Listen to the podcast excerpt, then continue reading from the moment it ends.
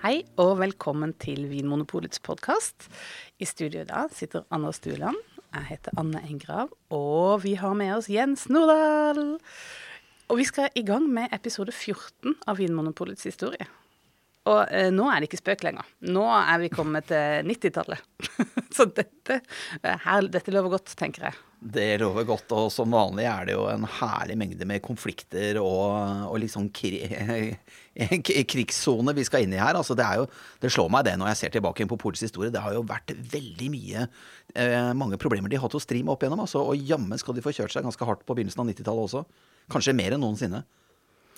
Ja, skal vi begynne som vanlig med å bare tenke litt på hvor er vi, liksom, hvor er verden nå? Ja. Bare sånn at vi kommer inn i stemninga. Ja, vi si... burde hatt et lydspor, for her har jeg liksom ja, det er mye, mye referanser. Bra, mye bra musikk. Men altså, muren har jo en relativt nylig falt, da. ikke sant? Kald krig er over, kan vi jo på en måte si.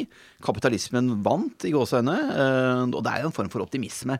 Kanskje også litt dekadanse. Vi alle, alle er jo gamle nok til å ha opplevd 90-tallet. Jeg var jo tidlig i 20-årene da, og dere var jo da sikkert seint i tenårene eller tidlig i 20-årene dere òg. Ja. Dere husker vel, husker vel 90-tallet ganske godt? Ja, jeg var russ 96. Nei, ikke sant? Ja.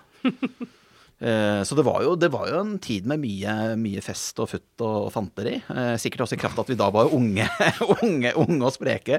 Men altså teknokulturen eh, var jo veldig langt framme. Og, og, og, da snakker du om musikken tekno? ikke sant? Ja, rett og slett tekno. Ja. Mye houseparties og sånne ting. Jeg var ikke så mye på det, men grunge traff meg nok mer.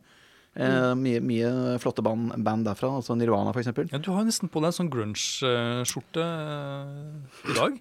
ja, og når... Sånn rutete flanellaktig. Det var jo lag på lag, husker jeg. Det, det var lag på lag. Jeg mm. sitter ikke her med lag på lag. Eh, jeg nøyer meg med én skjorte i studio. Eh, men altså, eh, vi skal ikke snakke oss vekk på musikk her, men vi er jo veldig interessert i det alle tre. Og, og Varg Vikernes, eh, han sender jo litt sånn spenning landet rundt. Altså, han var jo en drøy type, og han tenner jo på kirker og ble også dømt for, da, eh, eh, for, eh, for drap. Men han var jo en stor black metal-musiker, altså i Burzum. Og det var jo veldig mye annen norsk black metal som gjorde det kjempestort i Norge. Og jeg tror ikke vi skjønte i Norge hvor stort det var i utlandet. Mm. Jeg var i Argentina faktisk i 1996 eller 1997, og alt argentinerne ville prate med meg om som nordmann, var jo norsk black metal-scene. Eh, helt sykt hvor stor den var, altså på andre siden av jordkloden. Hmm. Ja, ja, det er pussig, altså. Ja. Men altså, vi må snakke om det hyggelige også. Litt sånn som at engelskmennene eller var det Amerika hvor, Bonnie Tyler, hvor er det hun er fra? jeg tror hun er britisk. eller annen. Ja. For jeg tror ikke at hun har på en måte samme eh, posisjon i England. Men hun, hun er nok norgesvenn, altså. Men hun stor i Norge, da. Ja. Mm. Det... Litt sånn som Varg Vikernes. Bonnie Tyler er eh, britenes Varg Vikernes. den, den, tror jeg du skal få slite fælt med i framtida, Anders. Men, men, du, apropos altså, ja. hva, som, hva, som, rørte seg den tiden. Den gangen, altså MTV eh, kom jo da. Eh, som omtrent. Det var mer 80-tall, tror jeg. Men ok. Oh, ja, men det var i hvert fall ordentlig fotfeste. Folk Ja, ja, de, de, var store. Også, og backpacking. Ja. Det er et eller annet med at verden åpner seg opp. Og de første Jeg husker at en kamerat av meg begynte å liksom holde på med på internett. Ja, ja, det, jeg, skjønte, jeg skjønte ikke vitsen, men, eh, og folk begynte med mobiltelefoner. Og dette var litt sånn seinere på 90-tallet, og mye av denne episoden her ville være mer sånn tidlig 90-tallet. Men vi ja. er i en brytningstid, og det er veldig veldig fascinerende. Ja. Uh, men vi må også bare for vi vi har, jo et par andre personer her på lista. da Vi må jo bare nevne Nelson Mandela. Kanskje tidenes største rollemodell. Han hadde sittet i fengsel, han siden eh, slutten av 60-tallet, og så slipper han ut på begynnelsen av 90-tallet. Og så blir han altså, det så lenge? Ja, og så kommer han ut da, ikke sant, på, på begynnelsen av 90-tallet, og så blir han valgt til president bare et par år senere. Og så er bare mannen full av good vibes. Det er kanskje ja. det flotteste mennesket jeg vet om gjennom verdenshistorien. Ja. Han var ikke sur. Han var ikke han bitter. Var ikke sur. Vir en... Virker i hvert fall ikke sånn.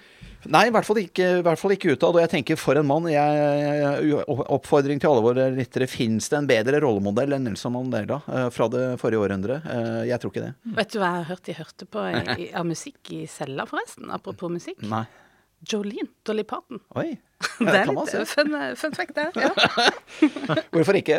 Men la oss gå tilbake til Norge. da. Altså, vi forbereder oss til OL på Lillehammer. Eh, og hele utbyggingen der av, av Mjøsregionen løfter jo nettopp den eh, regionen. ikke sant? Sånn at, eh, Og man tenker kanskje litt på den måten i Norge på den tiden også. Gardermoen åpner og løfter jo hele Romerike. Eh, EU-spørsmålet, det, det, som da vel het EF Nei, det het vel EU da. Det var vel EF det het da på 70-tallet, ikke sant? Mm. Eh, var jo dominerte den norske politiske debatten i betydelig grad, og vi kommer straks tilbake til det, for det påvirker også veldig, veldig stor grad Vinmonopolet. Eh, nå har også dette med, med, kvinner og kvinnenes rolle gjennom historien vært en sånn rød tråd i denne podkasten etter hvert, rett og slett fordi vi har sett at det har vært så drøy behandling av kvinnene opp igjennom. Og jeg har bare lyst til å nevne da veldig fort at eh, det er jo først eh, på 90-tallet at Stortinget gir kvinner arverett til den norske tronen. Det kommer så sent som på 90-tallet. Ja, Tenk det. Ja, det er derfor det. ikke Märtha blir dronning. Ja. Eh, all honnør til Håkon Magnus, altså, men eh, her var det noe konstitusjonelt som drev og knirka helt fram til midten av 90-tallet. Mm. Rosemarie Köhn blir den første kvinnelige biskopen i Norge så sent som på 90-tallet. Og det var ikke uten eh, bråk, det? Nei, nei, nei. Og kirken behandlet jo eh, kvinnelige prester kanskje ikke like bra som mannlige prester til, til etter det òg. Eh, Liv Arnesen, eh, første, første kvinne på, på, Sydpolen som går litt alene, ikke sant. Og det er litt rart da, at kvinner skal ha så trange kår så sent som på 90-tallet, når Gro Harlem Brundtland er liksom selve landsmoderen. Eh, jeg stusser litt på det, altså. Men dette er 90-tallet. Eh, et tiår som føles eh, både nært og fjernt på samme tid. Ja. ja. Det er altså like lenge siden 1990 som det var fra 1990 til 1971. Ja, øh, Hvis man skal sette det i sånn et perspektiv. Det føles jo for meg føles det jo veldig eh, gammelt. Eh, da jeg var i 1990 og tenker tilbake på 1971, det var jo gamle dager. Mm, du, du, må egentlig ja, tenke sånn, tilbake ja. til 1961, for det var 30 år, vet du. Det er 30 år siden 90-tallet.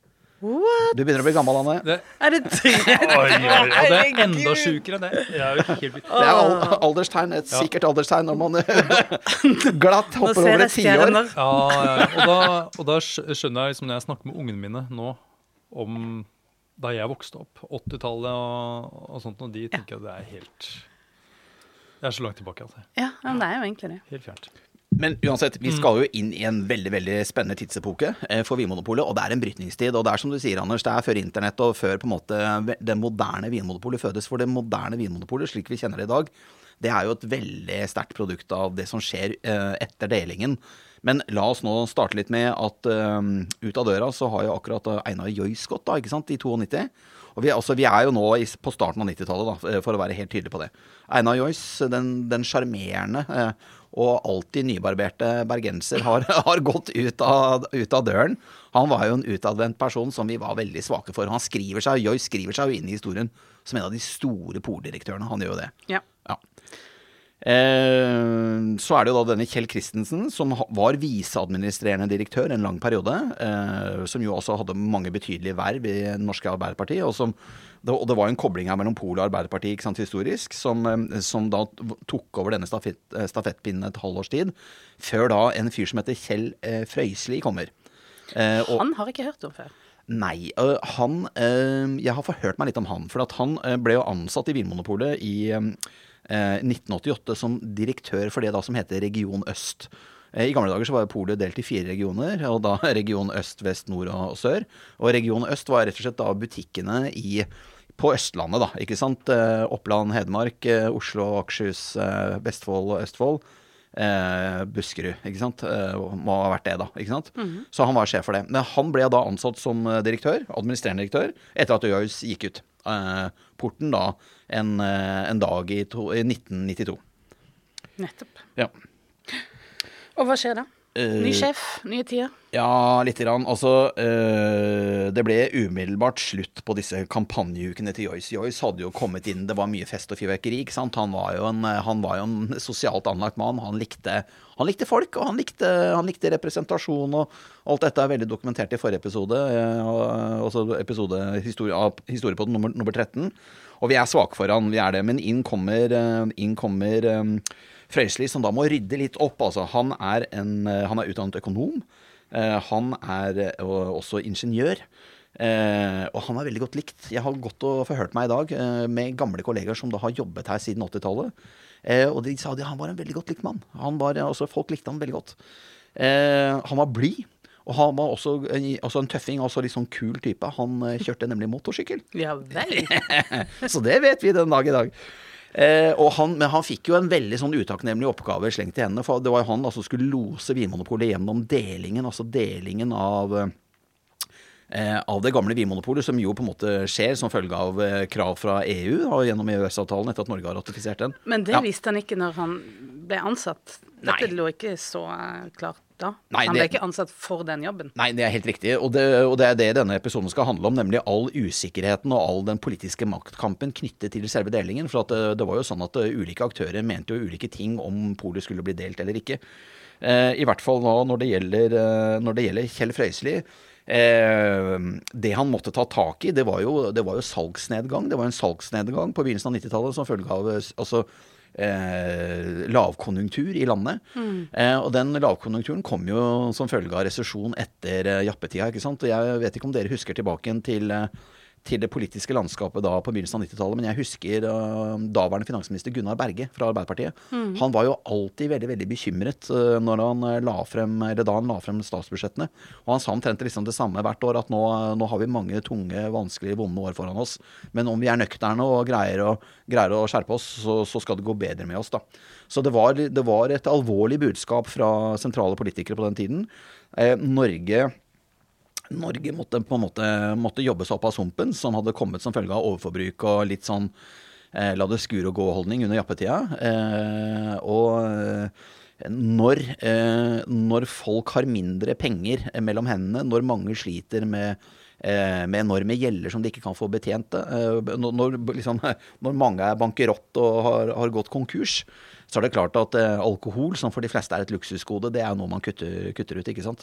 Så det er jo grunnen til at da Vinmonopolets salg går ned på, på begynnelsen av 90-tallet.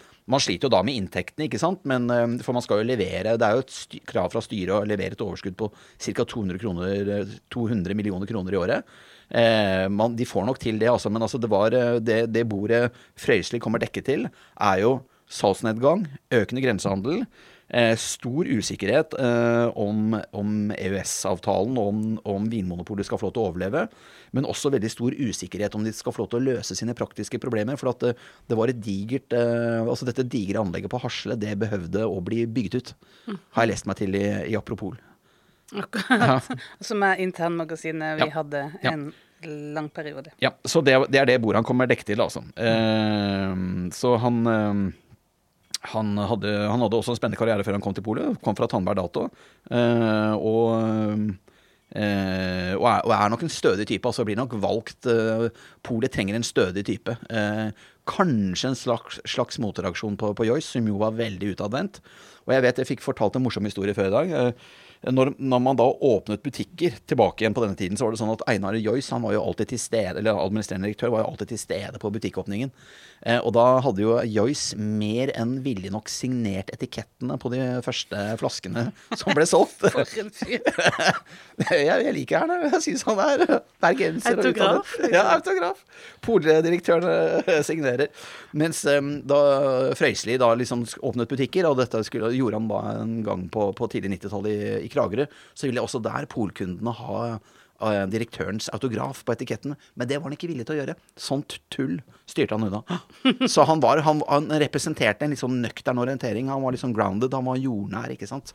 Altså Joyce var liksom sånn eh, helgedirektøren, og så kom han her eh, Frøysli og var litt sånn mandagsdirektøren. Men hvis dere hadde vært direktør, ja. hadde dere signert flasker? Glatt. Klart!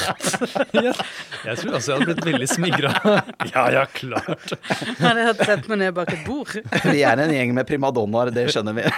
Vi som sitter her i studio og spiller inn dette.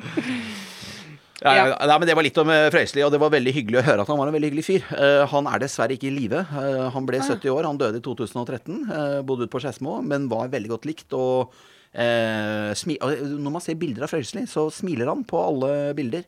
Og han var en, han var en blid fyr. En glad mann. Men ikke spesielt mediekåt. Det er jo det er ikke så mye å finne om han.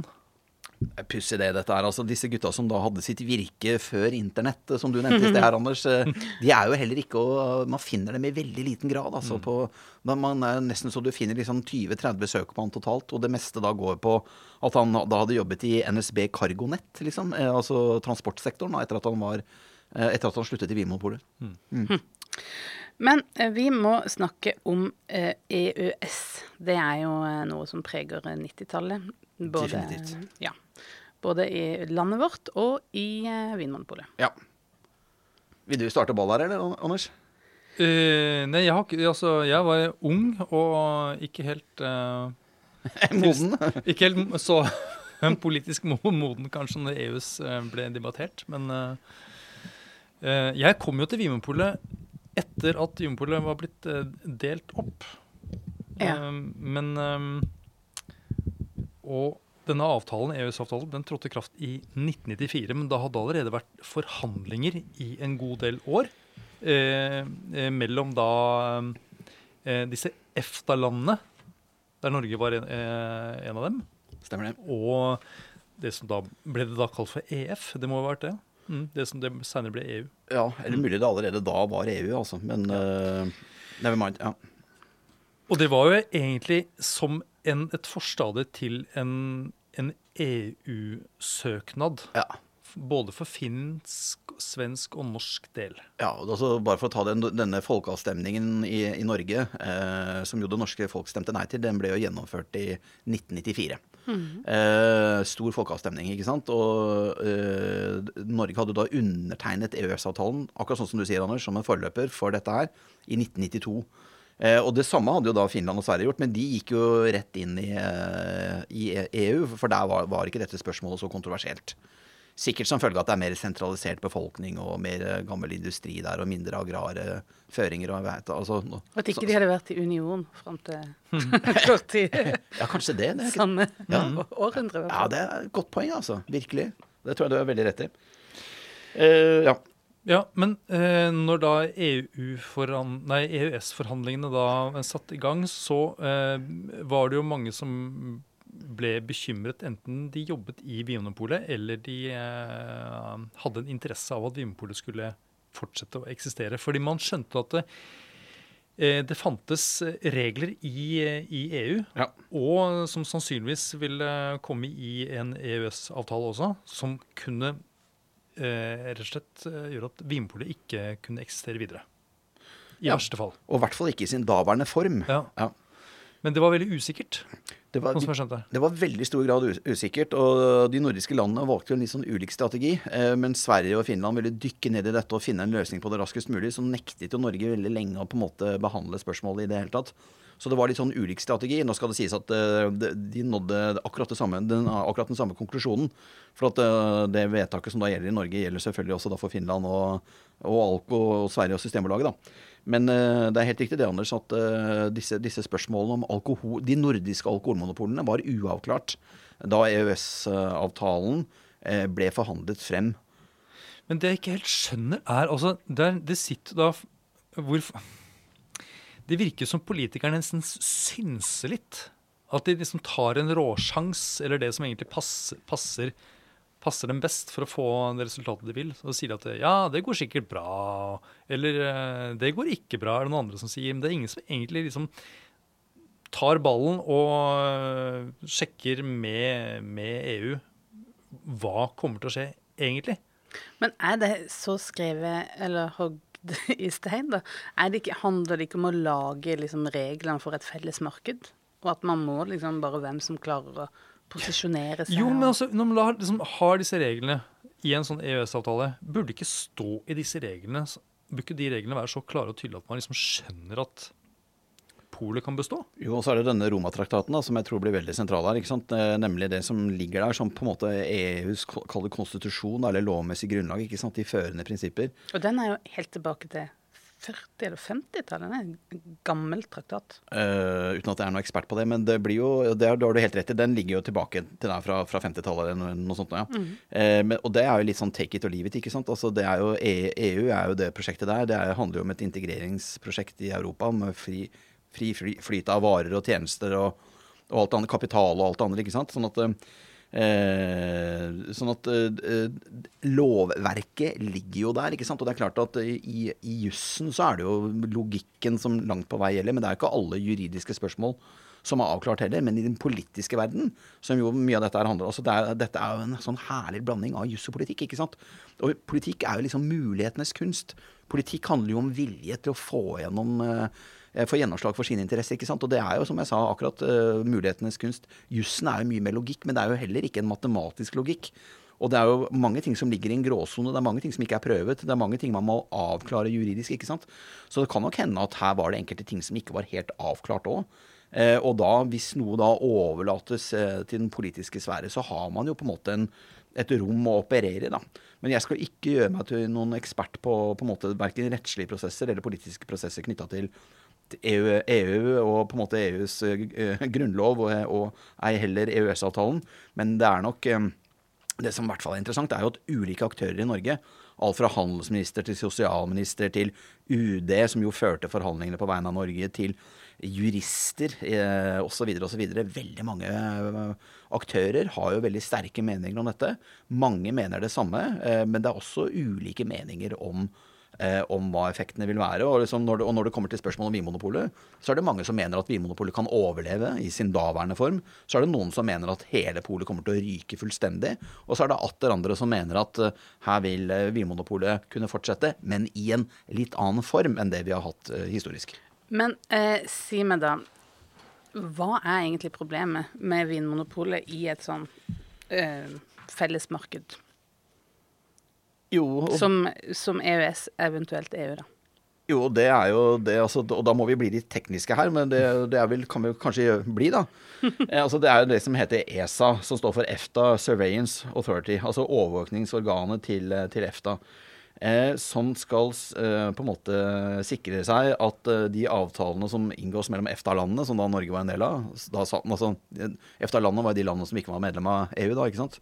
Eh, så når, EFTA-landene og EU forhandlet, så måtte man eh, og forhandle seg frem til avtaler, så var da ESAs oppgave å sørge for at de avtalene som var fremforhandlet, var lovlig riktige da, ikke sant.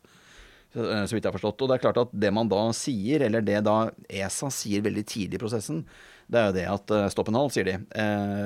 De nordiske alkoholmonopolene har, består av fem ulike monopoler. De består av et, et handelsmonopol, altså et detaljsalgsmonopol av vin, brennevin og, og sterkøl. Som litt forenklet sagt er på en måte Det er butikkene. Det er mm. Vinmonopolets butikker. Men så består det også av et um, Det er et monopol for import av vin og brennevin. Altså selve importfunksjonen.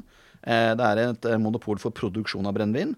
Eh, det er et monopol for eksport av brennevin, og det er et kall det distribusjonsmonopol, et engro-monopol. Ja, for de hadde jo det òg, ja, selvfølgelig. Ja, de svære mm.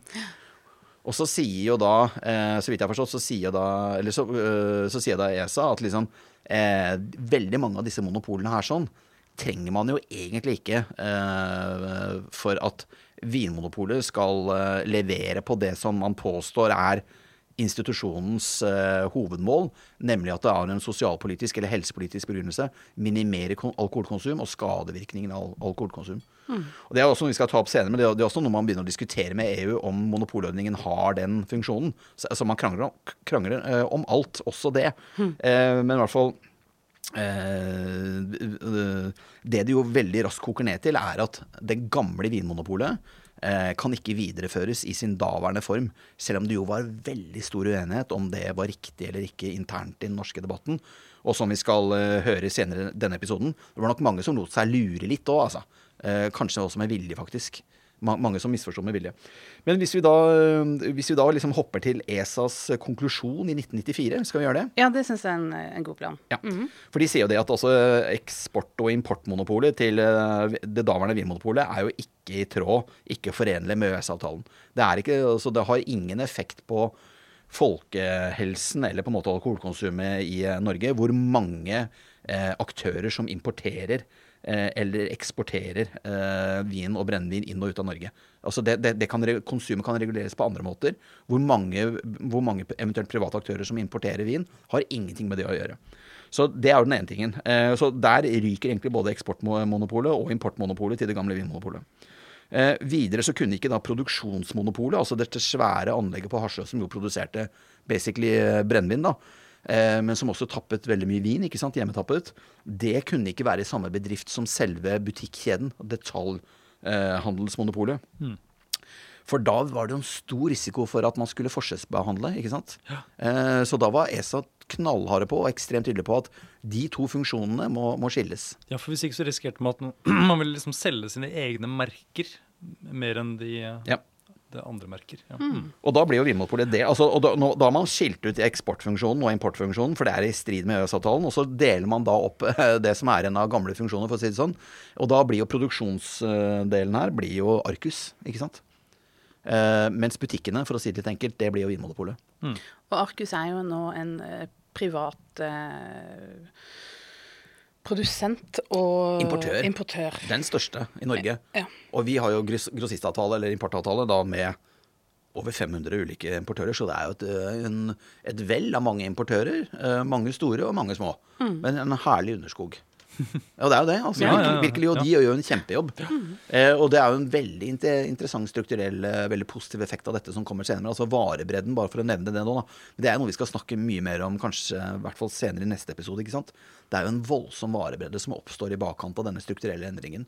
Polet hadde jo ikke så mange produkter på dette tidspunktet i historien. ikke sant? Sånn at det, den, det, det, det som jo er smertefullt på begynnelsen av 90-tallet, det, gir jo- det gir jo en blomstring, eh, blomstring som blomstrer noe vanvittig på sikt. Men eh, det kommer altså senere. ja. Ja, eh, for er vi, er vi kommet nå til delinga, eller er dette ESA sin konklusjon at vi må, at vi må dele? Vi har startet litt med konklusjonen, ja. fordi at, eh, og så kan vi ta litt om maktkampen nå eh, rett etterpå. fordi at eh, For ESA var jo da utenfor landet, på en måte. Dette, Det er noen andre som ser på oss med disse brillene og sier her, her må Og- dere fikse noe. overordnet overnasjonalt organ, juridisk kompetanse, som har da på en måte makt og myndighet til å instruere medlemslandene hvis de gjør noe som ikke er i tråd med regelverket. Ut fra de avtaler de har undertegnet. Det er slik jeg forstår det. Uh, ja. Så det skapte jo litt ringvirkninger, da, denne konklusjonen her. ja, det gjorde det. Men det som er interessant, hvis jeg bare får lov til å trekke en historisk parallell før det, for at, altså, da, da Vinmonopolet uh, ble etablert og tok over for de gamle vinhandlerne på, på 20-tallet, eh, så merket jo ikke kunden noe særlig, for at det var de samme butikkene med de samme menneskene og de samme lagerne. Og akkurat det samme skjer på, på 90-tallet, når Vinmonopolet blir delt. Kundene merker ikke eh, noen ting, nesten. For det er, eh, altså, det er de samme butikkene med de samme menneskene og den samme logoen.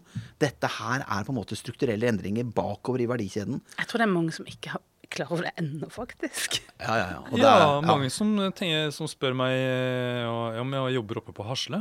Ja. Mm. Eller at spør om vi importerer mye. Altså som tenker at det er Vinmonopol som importerer vin. Ja, ja, ja. Og, det, og det, det, er, det det jo for så vidt eh, da disse 600 eller 500 grossistene som gjør, da. For oss. Med et fantastisk sluttresultat. Verdens beste varesortiment. Eh, men altså, eh, vi må jo bare lande dette her. Altså etter, og dette sier historikerne våre i fin gammel. Etter dystesaken, altså denne korrupsjonssaken, eller påstander om korrupsjon på, på 20-tallet, så var jo delingen på 90-tallet den mest dramatiske og skjellsettende begivenheten i Vimopols historie. Så det var jo, det var jo kuler og krutt. Altså, det var jo, det var jo ordentlig. Eh, det knaket jo ordentlig i sammenføyningene her, altså. De har gjort det. Bare tenk på de som jobber på polet, da, som har en helt annen identitet for hvem var bedriftene, og, Ja, ja, ja. og plutselig så skal du miste et bein, på en måte. Og de som jobber i butikk, jeg tenker at de også må det ha gått rel relativt greit. Men for dem som eh, jobbet på, på anlegget på Hasle Ja. f.eks., Ja, ja. som, hadde, som var som knyttet til Vinmopolet som drift, de måtte virkelig skille lag. eller Altså de, de måtte forlate det gamle moderskipet Ja. eh, og bli med på noe, på noe nytt. På en måte. Og jeg tenker at eh, altså arbeidsmiljø også. Folk eh, blir jo skilt fra hverandre. Fysisk. Ja. Ja, man mistet kontakt med gamle kollegaer. Det var jo veldig mye sånn idrettslag, og man hadde masse sosiale arenaer knyttet til arbeidsplassen eh, back then. Jeg har snakka med gamle kollegaer i dag. De fortalte meg det at det var jo ordentlig leit og trist, og at veldig mange av disse båndene ble kuttet. Fordi at eh, selvfølgelig greide jo noen å holde kontakt med hverandre, men det er jo sånn at når man ikke lenger møtes på daglig basis, så forvitrer jo relasjonene, altså. Enten man vil eller ei. Så det var mange som opplevde dette som, som ordentlig krevende rent emosjonelt. Og jeg husker at uh, Vinmopolet hadde noe sånne uh, som bedriftshytte oppe på Eina, ved Einasjøen. Ja, Og der lå det en helt prikk lik hytte, bare 100 meter unna, Nettopp. eh, som da eh, var Arcus sin hytte. For de var, altså begge to Ja. var da opprinnelig Vinmonopolhytter, ikke sant? Ja. Men så hadde, som i denne skilsmissen så hadde, eh, hadde Arcus fått den ene, og Vinmonopolet hadde beholdt den andre. Og der oppe på en måte lå de ved siden av hverandre. Som re- rester av et gammelt, gammelt ekteskap. Og hadde snøballkrig. Når situasjonen ble, la opp til det. jeg kan ikke huske at det var noen andre på den, altså på den andre hytta, egentlig. Hmm. Nei, men Det er interessant, for det, det er jo sånne type ting det gir utslag i. men altså, Og det var jo en veldig, som du var inne på her i sted, Anders, det var jo en veldig nervøsitet f.eks. oppe på produksjonsanlegget på Hasle, men også i Bergen og Trondheim. Rett og slett fordi at eh, det har jo det vært det man det både analytikere og historikere har kalt seg også sovjetiske tilstander i selskapet. Det var jo skjerma sektor, ikke sant. Og etter 70 år i skjerma sektor for Polet ble jo da opp, oppretta på begynnelsen av 20-tallet, og det var jo da 70 år til begynnelsen av 90-tallet. Så skulle man da bli konkurranseutsatt over natten, så det var jo dramatisk. Folk fryktet jo for jobbene sine, altså. Så det, det, var, det var knallhardt. Men fremdeles er vi bare altså, i opptakt til dette. Dette er det man frykter. Vi har ennå ikke helt delt, bare sånn at vi holder tidslinja her. Ja, ja, vi er fortsatt i 92. Vi er på begynnelsen av 90-tallet nå, altså, og Ja. når, når det fortsatt er uavklart. Eh, fordi at eh, det var, jo, det var jo en politisk debatt om dette her. Ja, Blant annet drevet fram av avholdsfolket. ja de har jo et og annet, eh, tipper jeg, å mene om dette. Hva, hva, hva er holdninga der? Ja, de fryktet jo at hele Vinmonopolet kunne ryke. Eh, rett og slett fordi at eh, de sa jo det, og det var jo helt riktig, at synet på alkohol alltid hadde vært annerledes i Europa enn i de nordiske landene. Eh, EU hadde jo i praksis egentlig ikke noe alkoholpolitikk. Eh, de hadde jo i hvert fall ikke noen alkoholmonopoler. altså Der var jo da vin basically, ikke sant, tillatt solgt overalt. Eh, de hadde jo i veldig liten grad alkoholavgifter, og enkelte, enkelte land har jo ikke noen alkoholavgifter i det hele tatt. I hvert fall ikke på, på vin, og, vin og øl. Hadde det i hvert fall ikke back then. Eh, det var også veldig lite med alkohollover, altså lite med restriksjoner, sikkert knyttet til åpningstid og sånne ting. ikke sant? Og til bevillinger og alt dette her, hvem som får lov til å selge. ikke sant? Eh, og alt dette skyldes jo historiske forhold, altså hvordan vindruer og vin har vært dyrket eh, eller vindruer har vært dyrket i Sør-Europa. Hvordan det har vært en integrert del av kosthold og hverdag på en helt annen måte. Og vært en, vært en del av kall det, den, den daglige nærings, eh, næringsinntaket. Mens da brennevin i mye større grad har vært en fylledrikk, en rusdrikk her oppe i nord. ikke sant? Brukt eh, i, eh, brukt i helgene, basically, men også på mandagene, som vi jo har snakket om, om, om tidligere. Sånn at eh, de sier jo det, så elegant disse historikerne, de sier jo det at mens vin da var sett på som et foredlet jordbruksprodukt i Europa, et produkt som hadde behov for markeder, eh, så så man jo på, på vin og brennevin som rusdrikk her, her i Norden. Eh, og de sier jo det at man så jo på vin i Europa på samme måte som vi egentlig har betraktet melk, omtrent. altså. Melk ja. her i Norden. Ja. Jeg har jo hørt, det er fra Argentina, det er jo ikke akkurat Europa, men der blir vin omtalt som en av fem om dagen. Det er, eh, det er spenstig. Det er litt spenstig. Det er ikke helt det, det er sånn vi gjør det her. Nei da. Det er ikke det. Og så tenker jeg, Vi skal ikke bli for konspiratoriske, men det er veldig interessant uh, å være klar over det at um, det kan jo også hende at uh, Europa hadde behov for nye markeder uh, rundt 1990, ikke sant? Fordi at man hadde jo vanvittig, en vanvittig overproduksjon av vin i Europa på den tiden. Mm. Dere som er sånne vineksperter begge to, vet dere noe mer om det, eller? Eh, ja, det har jo vært en overproduksjon av vin eh, i Europa. Nå har jeg ikke akkurat eh, tallene og detaljene på det, men det har jo vært, som de sier, det ble jo kalt vinsjøen. Som de måtte gå inn og regulere bare rett og slett for å, å få begrensninger på produksjonen. Og for å få Noe ble jo, måtte jo destilleres. altså Det ble jo lagd mye mer vin enn det var etterspørsel.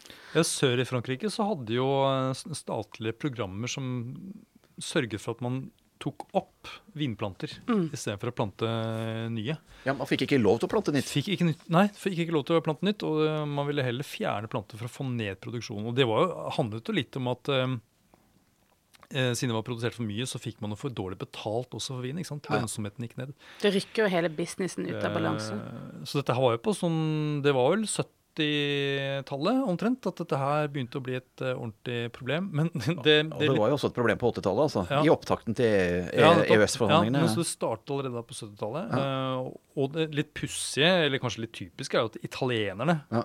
de gjør jo da det motsatte i denne perioden. De, de driver med masse nyplanting. Mm. uh, så klart innad i EU så har det vært krangling da, mellom spesielt Frankrike og Italia når det gjelder politikken rundt rundt, eh, rundt vinproduksjon. Og jeg vet at eh, på, tilbake på slutten av 80-tallet så økte produksjonen årlig i Europa med 1% altså produksjonen av vin, mens konsumet i Europa gikk jo ned med 0,6% i året. Det er klart at dette er to kurver da som på en måte øker, altså, altså, Ja.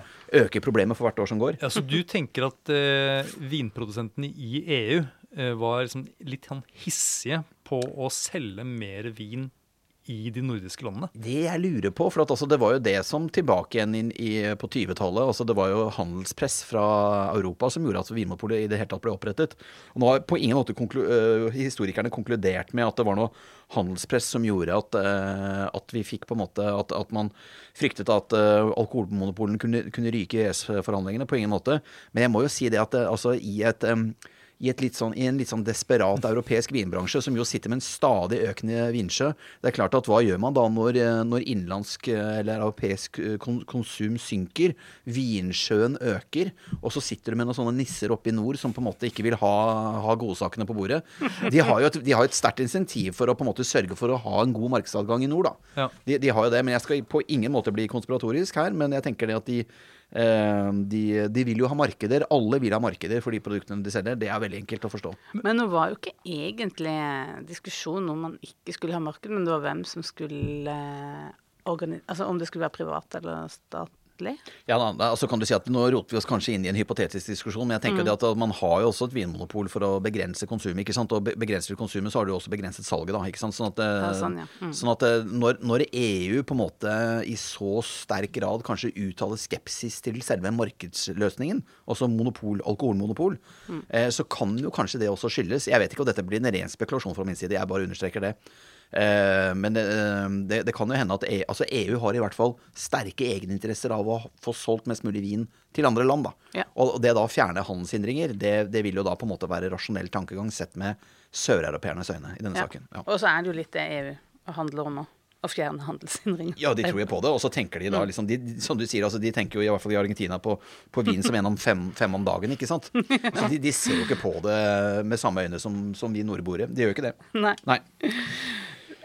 Men så, eh, så tar vi vel dette da inn eh, over oss eh, nasjonalt, Ja. er, det, er det ikke det? Hva, hva bestemmer vi oss for eh, sånn eh, myndighetene, for å si det på den måten? Ja, Myndighetene greier ikke helt å snakke med, med, med samlet tunge, for å si det sånn. De, eh, altså, du, du har jo på en måte en, eh, du har jo eh, Vimopols egen utredning fra 1990 eh, som sier eh, ganske klart og tydelig at Vinmonopolet garantert vil kunne bestå som en form for butikkjede.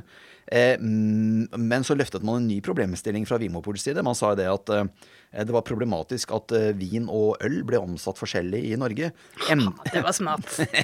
ja, det var, dette var et selvskudd i egen fot. Altså, kan, I all verden var det man tenkte da. For da, Man sa jo i bakkant av dette her enten må vin ut i butikk, eller så må øl inn på polet. Og dette var jo noe den glade bergenser Joyce forkynte med, med stadig økende iver en periode. Eh, Ja, nettopp. og, og i bakkant av det, hva er den logiske konsekvens? Altså, hvis vin må ut i butikk, så ryker jo polet. Men hva, altså, hvis øl skal inn på polet, da, så ryker jo polet da. For at det, det er snakk om så mange hundre millioner liter øl i året at systemet bare knekker. Man har ikke, man har ikke strukturer til å omsette det, ikke sant. Så det egentlig Joyce sa med det, var at polet kan ryke. Og dette fikk han jo pepper for, altså. Så dette kan nok også ha vært en av tingene til at, at, at Kanskje en av, en av årsakene til at det var litt sånn tynnslitt, for, uh, tynnslitt Ja. eh, tillit til han da han måtte gå av, altså. I 92, ja. I 92, ja. Han, ja. han satt det på spissen, rett og slett. Han satte det veldig på spissen. Han fikk jo direkte kritikk fra daværende handelsminister Kasi Kullmann, Kullmann Five fra, fra Høyre. Han fikk jo også veldig sterk kritikk fra, fra, fra familieminister Solveig, eh, Solveig Solli, heter hun vel, fra Kristelig Folkeparti. Han fikk jo også sterk kritikk fra eget styre, så han hadde jo ikke engang backing internt, ikke sant. ja. Ugreit. U Ja, nettopp. Det var et utspill han kanskje ville ha tenkt seg litt mer om, da. Ja, for Man kan jo kanskje betrakte det som illojalt i bakkant, men det skaper jo også en betydelig bekymring og uro. Be, bekymring og uro blant egne ansatte, og bekymring og uro blant avholdsfolket. For hva i all verden skal dette bety om polet ryker? Jo, da vil jo konsumet eksplodere, og mange vil jo miste jobben sin. Og, ikke sant? Ja. Ordentlig ugreit. Men det er jo en form for ærlighet her også. Det å også tenke litt høyt. Hva vil konsekvensene være? Og hvis ingen andre snakker om det, eh, så bør i hvert fall eh, lederen for den bedriften kunne få si det. Det kan du si. Samtidig så tenker jeg det er lov å bruke huet. Det er lov å tenke strategisk. Ja, og så er det noe med det at det er vel ikke sånn at det må eh, Altså Han sier det, det er problematisk at vin og øl blir omsatt eh, forskjellig i Norge. Derfor Og så er han veldig bombastisk i hvordan eh, løsninga på det er. Da. Han kunne jo ha funnet en middelvei. Det gjorde kanskje han her Frøysli? Gjorde han det litt mer elegant? Ja, det kan hende at han rett og slett var eh, At, han, at det var, eh, at det var eh, et mer sånn strategisk hode bak, bak det smilende, skjeggete ansiktet hans, altså.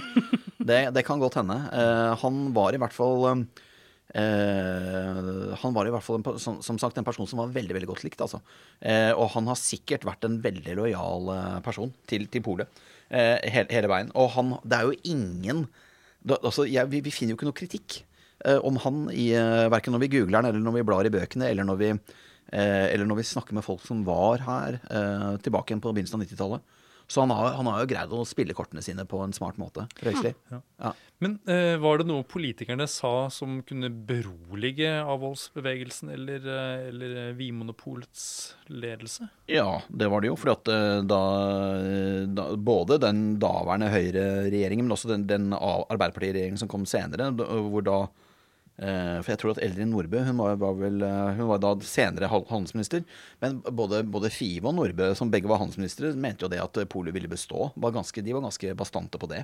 Og det var veldig mange talsmenn og talskvinner for regjeringen som var ganske sikre på at eh, polet kom til å bestå. Definitivt. Men i hvilken form da? Mange trodde at det kunne bestå i sin eh, daværende form, altså med alle disse fem monopolene intakt. Eh, så var det noen som sa at nei, dette kommer til å ryke. Og noen mente at det kommer til å bli avviklet tvert. Hvorav også Joyce hadde vært ute med dette utspillet om at, eh, om at enten ble det vin i butikk eller pole, nei, øl på polet, og, og uansett så ville man knekke ryggen på, på det begge, uansett hva som ble valgt. Nei, og så var det jo også det var ledende jurister som var eh, veldig langt fremme her. For det var jo, som vi nevnte innledningsvis i episoden, var, det var veldig mye politikk i dette her, men det var også veldig mye juss. Eh, og det var ledende jurister som som mente at eh, polet kom til å eh, ryke tvert, altså. Virkelig. Eh, Torstein Eckhoff, som var fremtredende jurist i Nei til EU, var sikker på at det kom til å ryke. Også eh, jurist og, og stortingsrepresentant for Fremskrittspartiet, Fridtjof, Frank Gundersen. Veldig gøyal type, må jeg si, som jeg, hadde, som jeg husker som en veldig sånn friskt pust, altså. Og han Fra- var ikke EU-motstander. Nei, han var, ikke, han var veldig pro EU. Eh, han var nok ikke så veldig pro Polet, men han var jo garantert eh, Han banna jo på at uh, Polet skulle ryke. Og, og det, dette var intelligente menn altså, som kunne sin juss, og, Ja. som, og, som, og, som, og, som var, og, og mens kanskje politikere i større grad tenker på liksom hva som er mulighetenes kunst, da, eh, og kanskje ikke sitter med en sånn svart-hvitt-fasis, så, så vil jo disse juristene De visste jo hva de snakka om langt på vei, altså. De gjorde jo det. Men dette her er jo også to fyrer som hva skal jeg si, har en, en type politisk agenda også. Ja, ja. Torstein Eckhoff han var jo nei til EU. Og Ja. han, men altså, nei, jeg tror nok Men det er rart at de, altså begge to bruker de samme argumentene, selv om de står på hvert sitt hold. Det er det de gjør, og da tenker jeg da er det jussen som forener dem. Da er det, de, da er det mer den matematiske forståelsen, den presise forståelsen av, av eh, paragrafene og lovtekstene som gjør at det er juristene som snakker. Ja. Eh, og, og det er jo på en måte Det er jo de gutta der som får rett eh, nå, altså når, når vi ser dette her i, når vi ser historiens gang, og når vi ser dette i bakspeilet, så er det jo, var det jo juristene som fikk rett, altså. Ja. Og politikerne som tok feil. Ja, For her ser egentlig begge sider det samme. Ja. Eh, ja, både ja til EU og nei til EU, EU eh, ser det samme. Men hva sier Polet, da? Eh, De eh, sier de at vi skal ta en liten tur til Brussel for å diskutere det. Vi skal ta en liten studietur til Brussel for å diskutere dette her med fremtredende representanter for EU-kommisjonen. Og det gjorde de jo. De reiste jo ned og, og snakket, godsnakket litt med disse menneskene som, da, som kunne på en måte dette på rams og til fingerspissene. da. Er er det EU-folk de snakker med, eller Ja, er ja. det norske delegasjonen? i Nei, dette er representanter i EU-kommisjonen, så det Ja. tror jeg må være Dette må da være utlendinger. Og jeg synes dette her dette er en veldig, veldig god idé. Ja. Eh, hvis jeg hadde sittet styre og stell, så hadde jeg på en måte også liksom sagt at her må noen må ned og snakke med Ja. de som faktisk sitter nært dette her. Vi drar til kilden. Vi, vi Ja. må til Brussel. Ja. Ja. Og, og vet dere hva de gjør da? Når, vet dere hva Polet gjør når de kommer hjem fra denne studieturen eh, til, til Brussel? Vet dere, hva, hva gjør de da? Har de med seg ost? det, det tror jeg nok de har, men det er ikke omtalt i historieboken. En liten sjokoladebit. Sjokoladebit! Kanskje noe sterk øl? Noe belgisk sterk øl? ja, er Klosterøl? Ja, ja, fant de ut noe? Var det liksom, Fikk de svar? De fikk noen svar, eh, og så begynner de å posisjonere seg da i det offentlige rom, ikke sant? og de sender ut en pressemelding. Og, vet, og, for da, og da, da, De skal nok lappe litt på skaden av at Joyce har sagt at eh, det går til helvete. ikke sant? Eh, og vet dere hva de skriver i den pressemeldingen? Eh, nei, jeg vet ikke. Nå skulle jeg prøve å gjette litt, men jeg kom ikke på Men det er fristende å si at de skriver det samme som eh, politikerne, eller også i hvert fall eh, de som sitter i regjering, sier. De er lojale mot politikerne, enten de tror det eller ei. Altså, de sier utad i en pressemelding at polet kan opprettholdes. De går god for det standpunktet, som jo er også det, er- det politiske standpunktet i regjeringen. De føler seg kanskje presset til å si det utad, eller de gjør nok det. For at internt De sender jo et møtereferat til styret eh, fra den samme turen. Og vet dere hva de konkluderer med der? At dette går lukt åt helvete. Det er det basically nesten det de konkluderer med. Så Eh, de, de taler med kløyvet tunge. De uh, sier uh, i et veldig dystert møtereferat uh, og med sin klevede tunge at i hvert fall importmonopolet og angromonopolet vil måtte opphøre. Men. De hva, sier det til styret, men de sier det ikke utad. men hva er det riktige? Hva var det de fikk høre?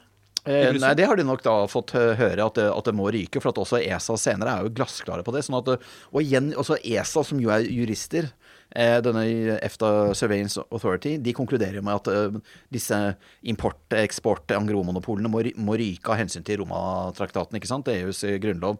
Eh, juristene sier det, og også når de da, når polets eh, også Eckhoff og Gundersen sier det, ikke sant, juristene, på begge sider av EU-saken, eh, mens da juristene også i EU-kommisjonen sier det samme. ikke sant, sånn at det, det er jo etter hvert veldig mange jurister som sier dette, så det virker som det er konsensus blant de som kan det og forstår det. da. Det, det, må, det må jo være lov å danne seg det bildet i bakkant, at jussen her veier jo veldig veldig tungt, og politikk, det politiske rom er ikke lenger så stort som det en gang var. Men likevel så eh, farer da ledelsen i Vinpolet med løgn når de kommer hjem når de sender ut denne pressemeldingen. Men denne gangen er de i hvert fall da lojale mot de som er over dem i systemet. Det er jo, det er jo noe man kanskje må være noen ganger, da. Men du, Ja, det, jeg, jeg, ja, jeg kjenner at jeg ja, du- du hisser deg opp? Ja, jeg kjenner, at- jeg kjenner at jeg, 30 år, 30 år, Anne, på ettertid! Han hisser seg opp. jeg, ja, jeg vet, faktisk, jeg kjenner at jeg blir eh, oppriktig skuffa og egentlig litt sånn sint. Ja. Jeg syns det er eh, ordentlig feigt og pinglete. ja. Eh, PR-krigen hadde i hvert fall starta, og det at man sa noe annet ut av den innad, det viser jo hvilken skvis uh, selskapet har vært i, og hvor tøft dette har vært. Og jeg tenker Det må jo ha vært beinhardt, både for Joyce, som sikkert sa det han trodde, men også for Frøysli, ikke sant, uh, som kommer inn der. ikke sant, og Det må, det må jo ha vært veldig veldig Var det vanskelig. Frøysli som satt ved makta når denne pressemeldinga ble sendt ut? Det tror jeg, uten å være helt Jo, det tror jeg nok, altså. For at, uh, ja, Ja, jeg tror hvor- dette var i 93. Men hvorfor holder da altså, de som da får vite om det internt, de som får vite sannheten, hvorfor holder de tett? Hva er det som eh, Altså, eh, Vedtakene er ikke fattet. eh, og Dette er det prosesser som er i spill. og jeg tenker også det at Man kan komme unna med det også i et etisk perspektiv. altså det å Det er ikke sikkert at det tjener din sak eh, å påstå at noe er et problem før det helt sikkert er det. ikke sant? Så jeg tenker det at så lenge saken er i spill Og vi skal huske på det at, eh, som jeg sa før i episoden, altså politikk er mulighetenes kunst. Så jeg tenker det at det kan også være ekstremt rasjonelt å på en måte underslå at noe er et problem. Eh, Det, det kan jo det, for det, det kan hende at det øker din eh, sannsynlighet for å få gjennomslag for dine, eh, ditt synspunkt. da. Det er, det er, for, for, og Saken er i spill.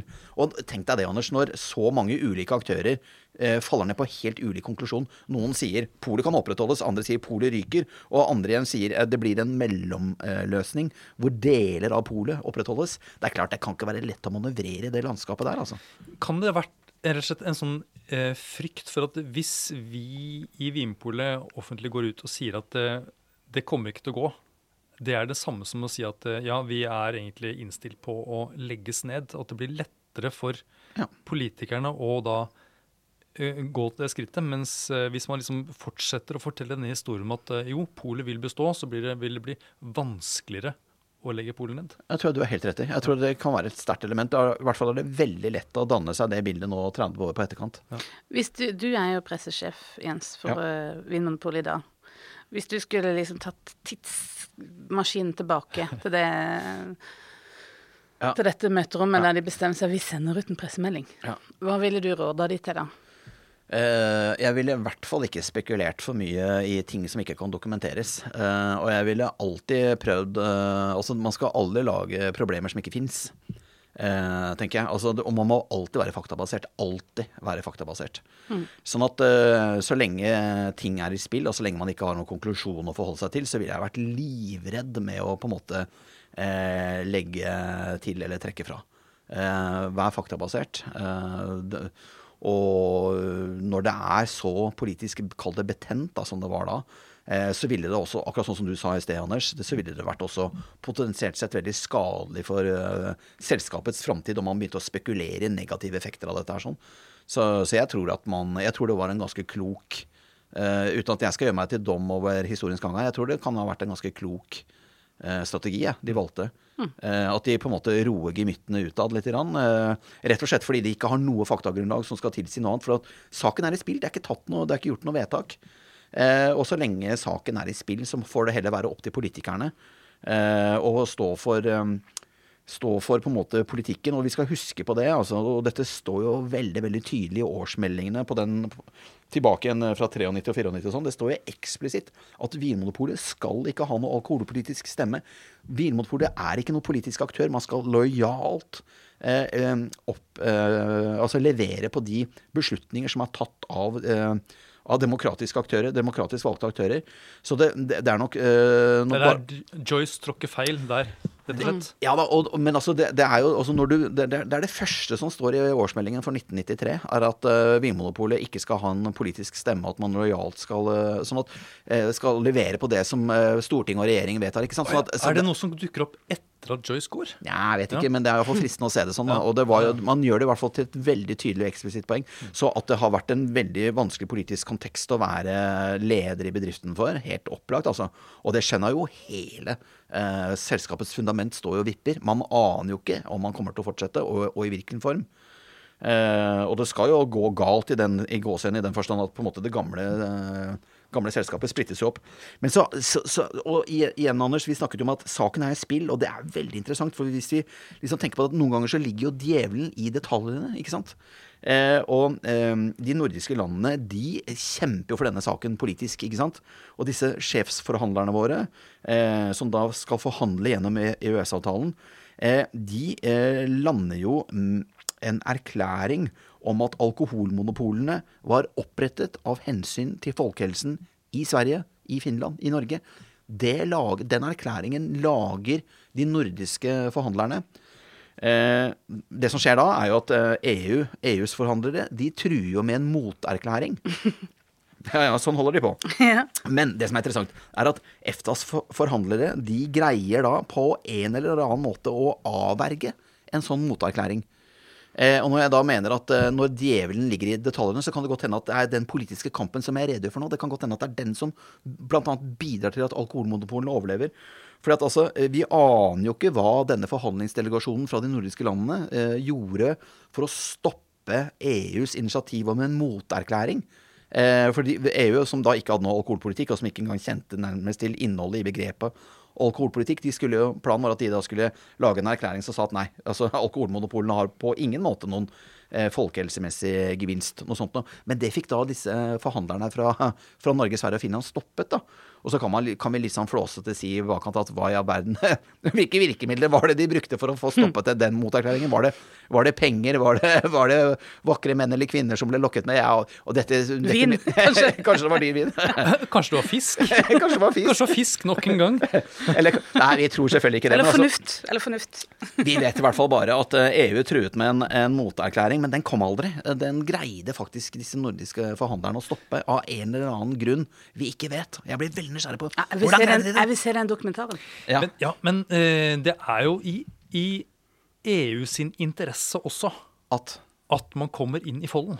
Eller at man får en sånn ha avtale i, i havn. ja, fordi det er, du, det er du helt rett i, for de skjønner jo at hele EØS-avtalen kan ryke pga. hensyn til alkoholmonopolene. Så det kan hende det er derfor de gir seg. Ja. Ja, for det var såpass, ja. At det Ja. sto og vippa der. Ja, for KrF, de var jo Det kom kommer vi til senere. Ja, okay. Ja.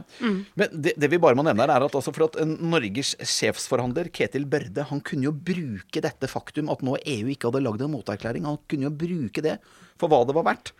Fordi at øh, Han kunne jo da fastslå, øh, mens han hamret i bordet, ikke sant, at øh, det forelå, forelå ingen avgjørelse fra noen EU-domstol som tilbakeviste hensynet til at folkehelsen var grunnlaget for å opprettholde, eller da skape alkoholmonopolene i Norden. Så det var, det var, dette var ikke noe som EU hadde kranglet på, eller sagt seg uenig i, eller på en måte hadde fått en dom på, ikke sant. Eh, Så de kunne ikke, da, de kunne ikke motdokumentere denne påstanden fra, denne, eh, fra de nordiske landene eh, framført i denne erklæringen. Eh, og eh, EU hadde heller ikke imøtegått EFTAs erklæring eh, om at eh, alkoholmonopolene var, var viktige for folkehelsen. Eh, og altså, også var viktige alkohol, alkoholpolitiske instrumenter. Så det at, eh, det at EU verken liksom hadde noen dom på det, eller liksom hadde noen moterklæring, gjorde at de, liksom, de hadde verken poli, politiske eller rettslige virkemidler å på en måte krangle med, og, eh, med de nordiske landene om alkohol, alkoholmonopolene. Så det er, altså, det er det jeg mener med djevelen ligger i detaljene. Det at da de nordiske landene fikk gjennom denne erklæringen, og det at den ble stående uimotsagt, kanskje det var der eh, det ble verga, faktisk. Jøss. Så da var det veldig mye politikk i det allikevel. Og, avtalen og Vinmonopolet. Så det var ve veldig mye politikk i dette her. Eh, det som jo for så vidt er et historisk paradoks her, er jo da at eh, man kan jo innvende av at, eh, at EU kanskje hadde, ikke hadde gjort leksa si godt nok. For at eh, vi skal jo huske at tilbake på, på 20-tallet, ikke sant, så Polet ble jo opprettet som, av hensyn til de europeiske vinlandene. De ville jo ha markedsadgang eh, til å selge vin i Norge, ikke sant.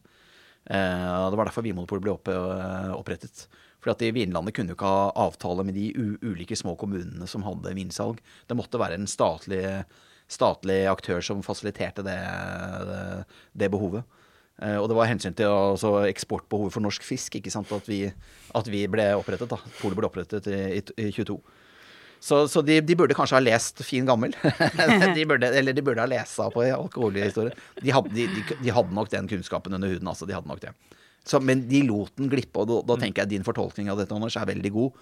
De skjønte at dette, ble, at dette var veldig viktig for de nordiske landene å opprettholde. Alko, Systembolaget og Vinmonopolet. Ja. Ja. ja, for det var det du så vidt var inne på, at det, det kunne faktisk ha vippa hele, hele avtalen, da. Ja, det er vi der. Eh, nå er vi der for at uh, Vinmonopolet kunne, som du sier, stoppe hele, hele EØS-avtalen. Eh, eh, det er jo slik at eh, den krevde jo 75 flertall i, i Stortinget. EØS å, å få gjennom EØS-avtalen. Ja, for det var ingen folkeavstemning til EØS-avtalen. Det var kun EU. Nei, men det var vel elementer der da, som på en måte endrer på Grunnloven. Jeg tror det er det som er begrunnelsen, at du da må ha 75 eh, flertall for å endre den.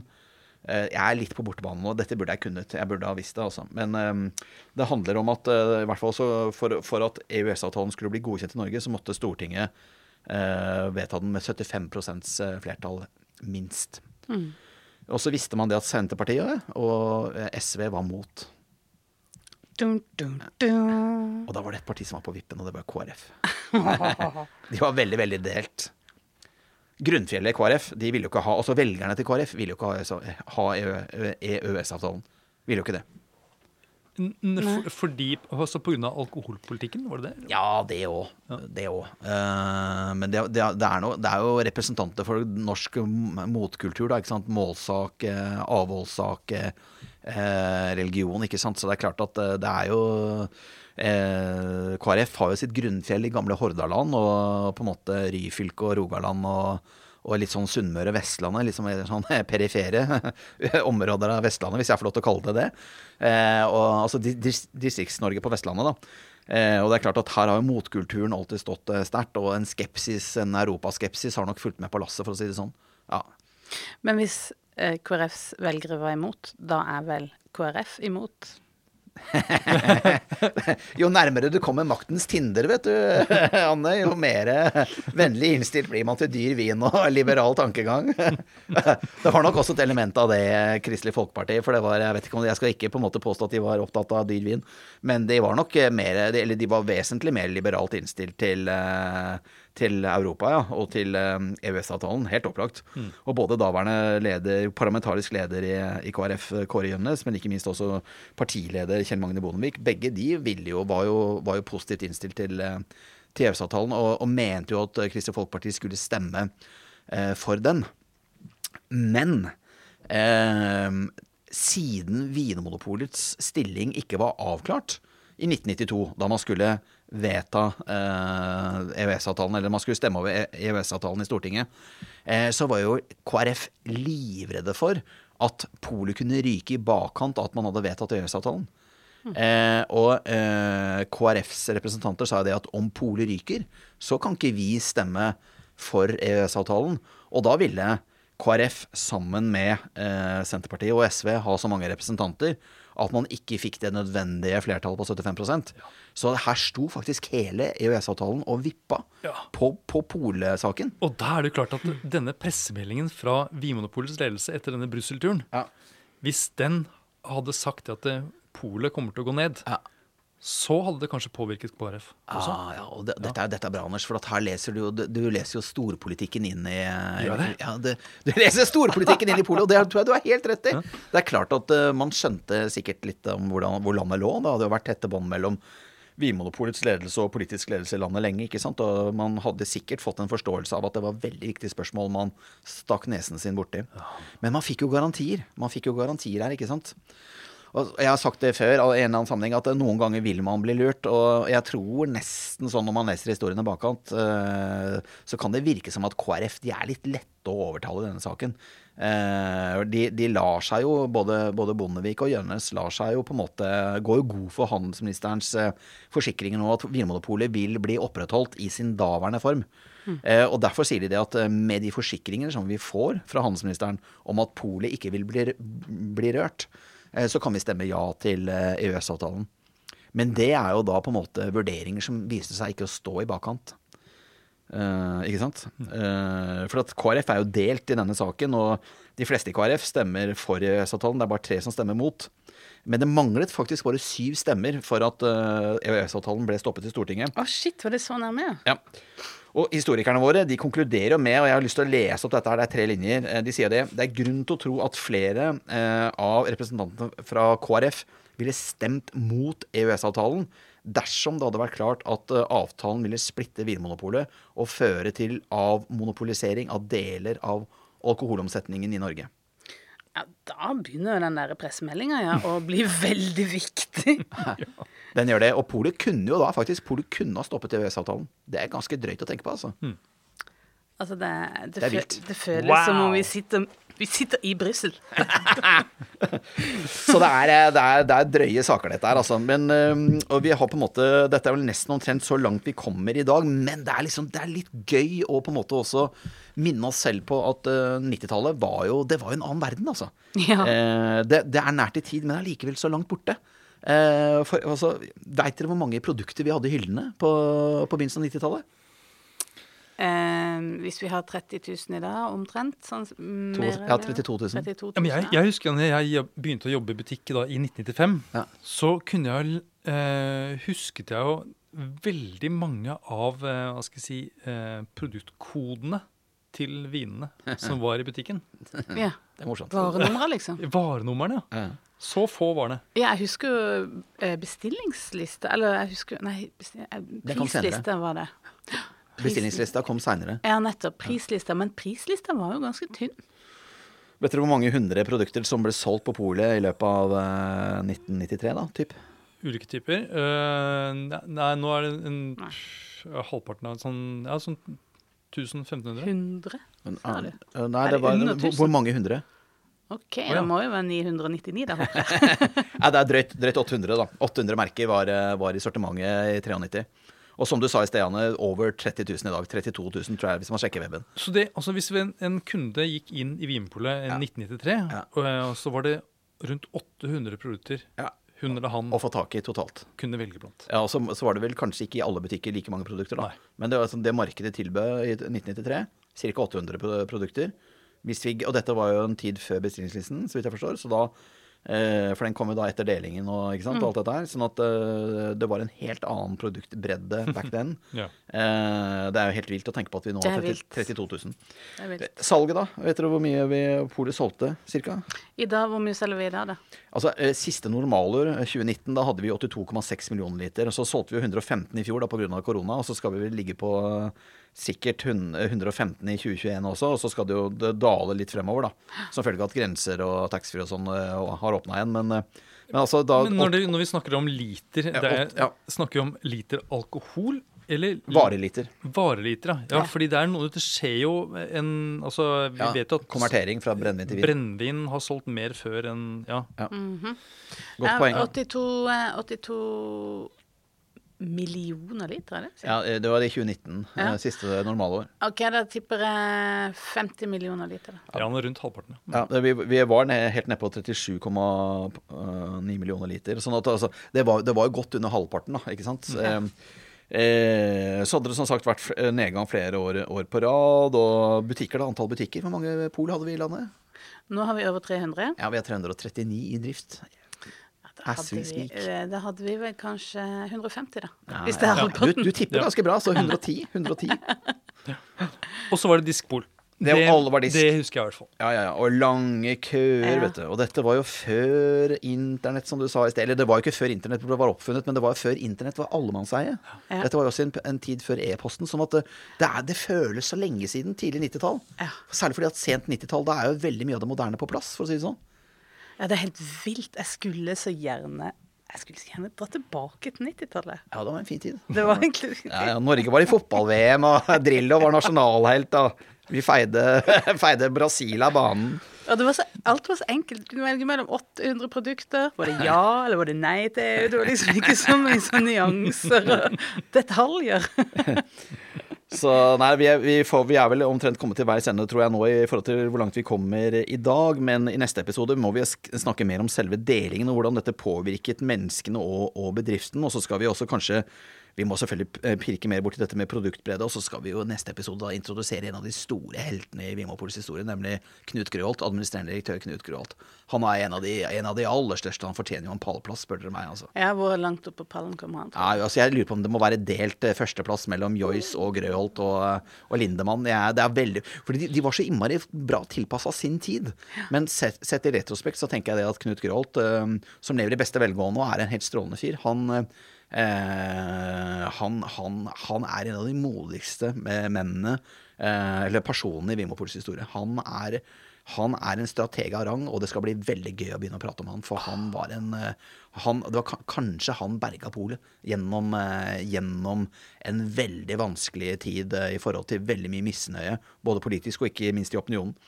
Ja, dette, dette, dette lover bra. Eh, Men eh, neste episode er altså delinga, først og fremst. Deling og, eh, og Grøholt og, og litt annet kuler og krutt. Og så tenker jeg det at uh, Frøysli, han sa jo det. Det er ikke lett å finne noe om han, men han sa jo det at eh, eh, det å dele Vinmonopolet føltes som å hogge opp en, en veldig fungerende organisasjon. Så jeg tenker at vi må jo bore litt i den smerten det har vært da, og ødelegge noe som fungerte. Eh, det, det tenker jeg. Er, det er viktig å på en måte få litt kontroll på det òg. Ja. Yes. Jeg gleder meg i hvert fall. Takk for i dag. Takk for i dag. Takk for at du hører på Vinmonopolets podkast. Har du forslag til et tema i podkasten? Send mail til podkast at vinmonopolet.no. I tillegg svarer kundesenteret deg på e-post, chat og telefon.